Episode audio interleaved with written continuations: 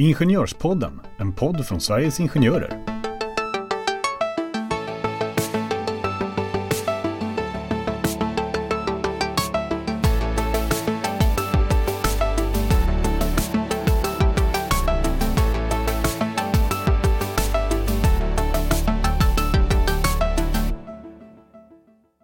Alla förstått att lagen om anställningsskydd, LAS, kommer att förändras och nu är tiden här. Ingenjörspodden reder i röran och ska försöka klargöra vissa frågetecken.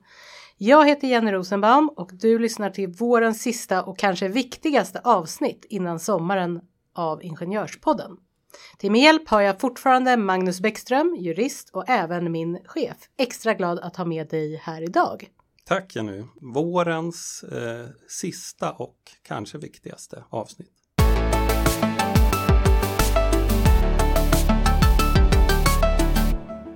Ja, det är ju ett, kanske inte viktigaste avsnitt, men ändå ett viktigt avsnitt. Det är ett viktigt avsnitt för att det är viktigt att veta vad som kommer att gälla från i höst. Mm. Men du Magnus, om vi går tillbaka lite i tiden till den här berömda januariöverenskommelsen. Mm. Vad var det som hände där? Ja, men då tänker jag så att vi kanske ska gå tillbaka ännu lite längre Mm. eh, och, och konstatera att under de senaste 15 åren så har man försökt ändra arbetsrätten genom statliga utredningar vid ett antal tillfällen. Även arbetsmarknadens parter eh, via PTKL och Svenskt Näringsliv har fört förhandlingar vid skilda tillfällen om att göra reformer i arbetsrätten. Och, och, och man har aldrig riktigt nått hela vägen så att säga. Statliga utredningar har inte lett till någon lagstiftning. Eh, De försök som parterna har gjort har resulterat i att man inte har lyckats komma överens. Men varför eh, vill man så gärna förändra arbetsrätten då? Är den inte bra som den är? Ja, det beror ju på liksom vems perspektiv du tar. Arbetsgivarperspektivet är att arbetsrätten behöver förändras för att det ska bli billigare att säga upp och det ska bli enklare att säga upp. Eh, Det är ju en tes som har drivits länge från den sidan. Men arbetstagarperspektivet är väl att man har insett att eh, anställningsskydd kanske inte i första hand handlar om, om regler. Eh, anställningstrygghet är ofta också beroende av anställningsbarhet och då har man velat hitta liksom regler som ger kompetensutveckling och om, omställningsstöd. Eh, och så har man liksom försökt hitta en, en balans i det här som, som båda parter kan acceptera. Men du frågade om januariöverenskommelsen Jenny, Ja. och då är det ju så här att efter valet 2018 så var det ett väldigt svårt parlamentariskt läge. Eh, det gick inte att bilda regering helt enkelt och eh, det resulterade ju i den här så kallade januariöverenskommelsen och, och, och det var ju en överenskommelse mellan Socialdemokraterna, Miljöpartiet, Centern och Liberalerna. Där Centern och Liberalerna för att släppa fram en S-MP-regering krävde att man skulle eh, reformera arbetsrätten eh, genom att helt enkelt då göra det billigare och enklare att eh, säga upp för arbetsgivare. Eller som man då istället valde att uttrycka det, att man skulle öka flexibiliteten för arbetsgivarna. Så kan det också heta. Så kan det heta. Och, och den här eh, punkten i, i januariöverenskommelsen den res, resulterade ju då att man tillsatte en statlig utredning, den så kallade Toijerutredningen. Eh, och, och, och då sa eh, regeringen uttryckligen och, och riksdagen ställde sig bakom det att om parterna istället kommer överens om att reformera arbetsrätten på egen hand så kommer politikerna att respektera en sån eh, ordning. Så då kommer man inte att genomföra den här utredningen som, som, man, som Toyer hade i uppdrag att, att ta fram. Men är det inte en väldigt speciell eh, stil att göra så? Jag tänker att vi har arbetsmarknadens parter som visserligen eh, reglerar så att säga mellan arbetsgivarorganisation och arbetstagarorganisation generellt, men kanske inte så jättevanligt att man stiftar lag. Nej men precis eh, och det är väl den svenska modellen att man i mångt och mycket försöker komma överens mellan parterna. Eh, I den här situationen som, som nu förelåg så, så gavs man möjligheten men ganska då inträngda i ett hörn att hitta en, en lösning som adresserar de här frågeställningarna som januariöverenskommelsen eh, tog sikte på. eh, och som eh, ändå skapade ett system som parterna kunde ställa upp på. Precis, för det skulle också gå ganska snabbt ska ju tilläggas. Skulle gå ganska mm. snabbt. Mm. Och det här ledde ju till då att tjänstemannafacken inledde förhandlingar med arbetsgivarorganisationen Svenskt Näringsliv Eh, för att se om man eventuellt kunde hitta en, en överenskommelse. Och, och, och sen så blev det också så att Toijerutredningen lades fram i maj 2020 eh, och, och, den utredningen hade ju inga som helst förslag som, som eh, adresserar de här frågeställningarna som, som facken tyckte var viktiga, eh, det vill säga kompetensinsatser och omställningsstöd utan innehöll ju bara egentliga förändringar och försämringar av anställningsskyddet. Eh, så att eh, det här satte ju liksom press på särskilt arbetstagarsidan att mm. faktiskt hitta en, en, en, annan och bättre överenskommelse. För annars visste man att, att Toijerutredningen skulle bli lag. Mm. Men vad, eh, nu, nu är lagen här så att säga, vad är de stora förändringarna då? Om man jämför med nuvarande LAS? Ja, lagstiftningen är ju inte riktigt ännu på plats. Nej. Men om allt går som det är tänkt så kommer de här nya reglerna att börja gälla från den första oktober mm. i höst. Eh, och, och, de stora förändringarna, jag tänkte att vi kunde väl gå igenom dem punktvis. Mm, det låter bra. Och så får vi se om det är några stora förändringar eller inte. Cliffhanger. Eh, och i, i, vissa delar är det uppenbara förändringar, i andra delar kanske lite svårt att se att det som föreslås innebär någon egentlig förändring av gällande rätt. Men man kan väl säga kanske generellt eh, innan du hoppar in på de här olika punkterna. Vi vet ju heller inte exakt hur det här kommer att spela ut, vilka, hur de här förändringarna exakt kommer att se ut. Det Nej. vi väl få se när det kommer kanske domstolsprövningar eller mm. andra. Nej men visst är det så. Ja. Det finns delar i det här som är ganska oklart mm. och, och, det är ju precis som du antyder oprövat. Mm. Eh, hur det kommer att tolkas av domstolar. Eh, det är ju inte alldeles säkert. Nej, att vi, det återstår att se. Det kan vi liksom inte svara på utan mm. det blir Många arbetsrättsjurister tycker nog att eh, det blir en spännande tid mm. framöver när, när man ska försöka omsätta de här reglerna i praktisk tillämpning. Ja, men dyk in i förändringarna. Mm. Eh, och, och, och, en sån förändring då, det är att det som man har ju alltid pratat om saklig grund för uppsägning. Mm. Eh, att arbetsgivaren måste ha saklig grund för att kunna säga upp och saklig grund har varit arbetsbrist eller personliga skäl. Och, och nu byter man ut det begreppet mm. till eh, sakliga skäl för uppsägning. Mm. Och det här kan ju tyckas vara en, en märklig förändring men anledningen till att man gör det är att om man gör en förändring i lag så kan man också skriva nya förarbetsuttalanden. Mm. Och genom de nya förarbetsuttalandena så kan man eh, ge instruktioner till domstolar om hur den här lagen ska tillämpas. Så att man är liksom mer eller mindre tvungen att byta någonting i lagstiftningen, mm. ändra lagstiftningen för att kunna få en förändrad tillämpning i praxis. Man ändrar ett ord som egentligen skulle kunna betyda lite samma sak men man får nya motiv. Det skulle jag säga att det betyder exakt samma ja. sak. Men man får nya förarbetsuttalanden och därigenom kan man styra domstolarnas tillämpning eh, på ett annat sätt. Ja, så vi vet inte vad den materiella skillnaden faktiskt. Eh, ja, vi vet en någon. del, eh, mm. men det kanske inte i alla delar är helt enkelt att förstå vad, vad det här i realiteten innebär. Eh, det uttalade syftet det är att förutsebarheten ska öka. Mm. Eh, är det saklig grund för uppsägning eller är det inte saklig grund för uppsägning? Det, det här är ju inte alla gånger enkelt att bedöma. Eh, och det ska bli enklare att göra eh, har man tänkt sig. Mm. Um, och, nej, men det här har inte mm. alltid varit en enkel bedömning att göra ens idag och nu tanken då att det ska bli enklare. Mm. Ja, Blir det det med att man byter ett ord? Nej, lite svårt att se mm. det faktiskt.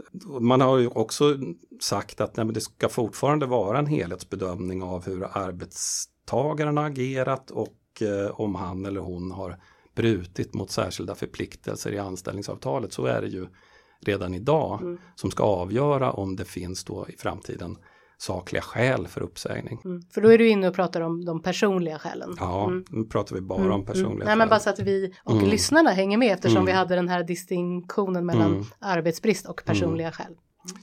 Eh, så, så, fokus i bedömningen säger man, det ska ligga på brottet mot anställningsavtalet.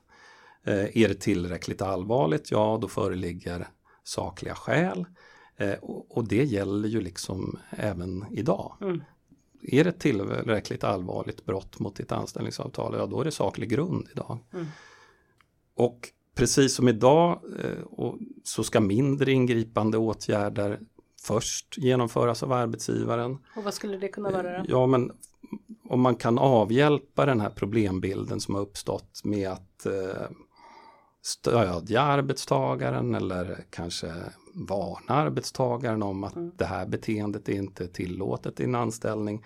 Eller om man kan omplacera arbetstagaren. Mm. Om det skulle vara typ samarbetsproblem eller Ja, mm. lösa en problembild så är det de åtgärderna som ska vidtas. Mm.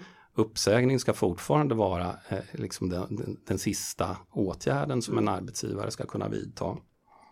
Så där är det ju ingen jätte... Nej men det är ingen jättestor mm. skillnad. Det kanske mest konkreta är att man konstaterar att om ett om det har skett ett tillräckligt allvarligt brott mot anställningsavtalet så ska det inte längre göras någon intresseavvägning eh, mm. mellan arbetsgivarens intresse av att avsluta anställningen och arbetstagarens intresse av att behålla anställningen. Och det här brukar också skrivas eh, och det ska heller inte göras någon, någon så kallad prognos. Eh, tidigare har, man, har Arbetsdomstolen och inte särskilt ofta, men det har förekommit i praxis att Arbetsdomstolen har frågat sig liksom, hur kommer den här arbetstagaren att sköta sig i framtiden mm. om han får behålla anställningen? Eh, och den här hypotetiska frågan den ska Arbetsdomstolen inte längre ställa sig om, om man kan konstatera att brottet mot anställningsavtalet är tillräckligt allvarligt. Då bara tänker jag liksom eh, för att man ska kunna exemplifiera detta, då skulle det kunna vara att man tidigare kanske har gjort ett misstag och det är första gången man gör det misstaget. Mm. Beroende på vad det misstaget då är mm. eh, så kanske Arbetsdomstolen ändå skulle göra en prognos och se att ja, men det här har bara hänt en gång. Eh, vi kanske ändå ska låta... Det finns ingen anledning att Nej. anta att det här kommer upprepas. Eh, å andra mm. sidan mm. så blir det väldigt svårt att förstå regelverket mm. på det sättet att i en sån situation så måste det ju vara tillräckligt att varna mm. arbetstagaren. För uppsägning ska ju fortfarande vara den sista åtgärden Just som det. arbetsgivaren ska kunna vidta. Så att, mm. så att egentligen kanske det här... Hur det här i praktiken och mm. realiteten ska innebära en förändring tycker jag är, är ganska svårt mm. att se faktiskt. En uttrycklig nyhet som man trycker på i förarbetena det är att det som huvudregel ska räcka med en omplacering mm. Eh, för att fullgöra sin omplaceringsskyldighet. Och det här är ju någonting som, som man brukar hantera i, ja, men i samarbetssvårighetssituationer. Mm. Eh, kommer du och en kollega inte överens så är en åtgärd arbetsgivaren kan vidta är att omplacera dig till mm. en annan befattning där du och, och den här kollegan inte behöver ha kontakt med varandra och kan sköta mm, era arbetsuppgifter förhoppningsvis på ett mycket bättre sätt utan den relationen. Det blev lite obehagligt nu, så här parentes, för du tittar mig rakt i ögonen och du är också min chef. Tänkte jag, har jag gjort någonting? Ja, du har alltid gjort någonting, men då ska jag säga att du har oftast gjort någonting bra. Ja, precis, det hörde ni där ute nu. Glöm, ja. det, glöm det inte. Så att eh, du behöver inte känna Nej. dig Nej, jag ska inte vara så orolig. personligen. Vi fortsätter. Eh, men, men eh, så att i den, i den här situationen när man omplacerar någon av personliga skäl mm så ska man typiskt sett som arbetstagare inte kunna kräva ytterligare en omplacering och, och sen eh, sedermera ännu en omplacering. Mm. Utan det ska räcka med att arbetsgivaren har omplacerat dig en gång. Det ska bli kortare förfaranden ja, helt enkelt. Det ska, tanken är väl mm. att det ska bli det. Mm. Och sen så, så är det väl ändå så att men om det går väldigt lång tid mellan de här omplaceringarna, men då räcker det ju inte med en omplacering mm. så att säga. Utan det ska ju vara i ett tidsmässigt samband och vad som är lång tid här, det är det får praxis utvisa. Men, men sammanfattningsvis då så, så har jag svårt att se att den här förändringen mellan från saklig grund för uppsägning av personliga skäl till sakliga skäl för uppsägning av personliga skäl innebär någon betydande eh, mm. förändring avseende anställningsskyddet. Det blir säkert en viss nyansskillnad vad den i realiteten innebär, ja det får framtida domstolspraxis sannolikt utvisa. Eh, men, men det sker en viss marginell justering tror jag. Mm. Då hoppar vi vidare till en ny förändring. Då hoppar vi vidare till en annan förändring och, och det här är ju en, en, en tydlig förändring eh, och en eh, stor förändring. Och, och, och, då är det ju så här att i, i dagsläget när du, om du blir uppsagd Eh, och du ogiltighetsinvänder mot den här uppsägningen, då består anställningen under tvistetiden. Och eftersom anställningen består under tvistetiden eh, så har du rätt till lön och andra anställningsförmåner eh, så länge tvisten pågår. Men du är också arbetsskyldig och måste utföra arbete under, under den här perioden. Eh, även om du slutligen förlorar tvisten, om den drivs hela vägen till dom i domstol, Eh, så har du rätt att behålla den här ersättningen som har utgått under tvistetiden. Eh, och, och arbetsgivaren har inte heller någon rätt att stänga av dig från arbete under perioden som tvisten pågår. Och, och, det här har ju kritiserats då av arbetsgivare för de tycker att även om de har gjort rätt så får de i slutändan betala. Ja, det betyder ju att, eh, alltså kortfattat så handlar det ju om att om man blir uppsagd och det görs en ogiltighetsinvändning och det tar då, säger vi i runda slag ett år för den här processen att bli klar. Mm. Så kommer arbetstagaren oavsett utgång mm. eh, ha fått erhålla sin lön under ett års tid. Jajamän. Så det blir, det blir ganska dyrt. Eh, ja det kan man ju kan se. Å andra sidan tycka. så har det också varit på det sättet att du har varit arbetsskyldig under mm. det här mm. året. Så, så din arbetsgivare arbete. har ju faktiskt fått eh, förhoppningsvis eh, ut arbete av dig under tvistetiden. Men, men nu ska det inte längre vara så Nej. utan nu upphör anställningen vid uppsägningstidens utgång. Alldeles oavsett om, om du har ogiltighetsinvänt mot arbetsgivarens åtgärder eller inte. Du har ingen rätt till lön under tvistetiden och du har ingen rätt att arbeta kvar. Och vad blir konsekvenserna av detta? Eh, ja, det är ju lite svårt att, kanske sia om. Men mm. istället för att du då har rätt till lön från arbetsgivaren under tvistetiden så har du under vissa förutsättningar rätt till a-kassa under den här perioden. Eh, men då måste du också aktivt söka arbete. Och vinner du slutligen målet så ska du betala tillbaka den här a-kasseersättningen till staten. För att då har man fått eh, en annan ersättning, fått... man, så att man inte ska få dubbel ersättning. Nej, då får man istället kompensation mm. av arbetsgivaren. Mm. Och tanken med de här reglerna, tänker jag, det är väl att det ska Dessutom kan jag säga också här att, att man höjer de allmänna skadestånden, nivån på dem. Tidigare har det varit så att om du blir eh, uppsagd av personliga skäl och, och det har varit felaktigt. Mm. Då har väl normen ungefär varit, en normalskadestånd har legat kring ja, men 75 000 som arbetsgivaren mm. får betala i allmänt skadestånd. Säga, eh, För kränkningen. kränkningen av att ha blivit uppsagd utan att det har förelegat och saklig grund. Mm. Om det nu nu säger man istället att ett normalskadestånd i den situationen ska uppgå till 135 000 kronor. Mm. Om det blir uppsagd utan att det föreligger sakliga skäl så ska det vara dyrare för arbetsgivaren. Eh, så att det ska liksom bli dyrare för arbetsgivare som gör fel men det ska bli billigare för arbetsgivare som gör rätt. Mm. Det är liksom tanken bakom reformen. Eh, och så kommer det ju att bli såklart. Mm. Men det kan ju också innebära eh, att det blir tänker jag, lite svårare kanske att hitta förhandlingsöverenskommelser på ett tidigt stadium där personer blir uppsagda av personliga skäl. Och då tänker du på en överenskommelse som man kan teckna istället för att gå vidare ja. med en process. Men det återstår ju att se. Mm. Det, det, finns ju fortfarande goda incitament mm. att hitta överenskommelser. Ingen part är ju egentligen intresserad av att driva tvister i domstol. Arbetsgivare vill inte figurera i sådana sammanhang. Det är jobbigt för den enskilde. Eh, uppsägningstvister liksom är, är typiskt sett ingenting som man, eh, som man går igenom lättvindigt.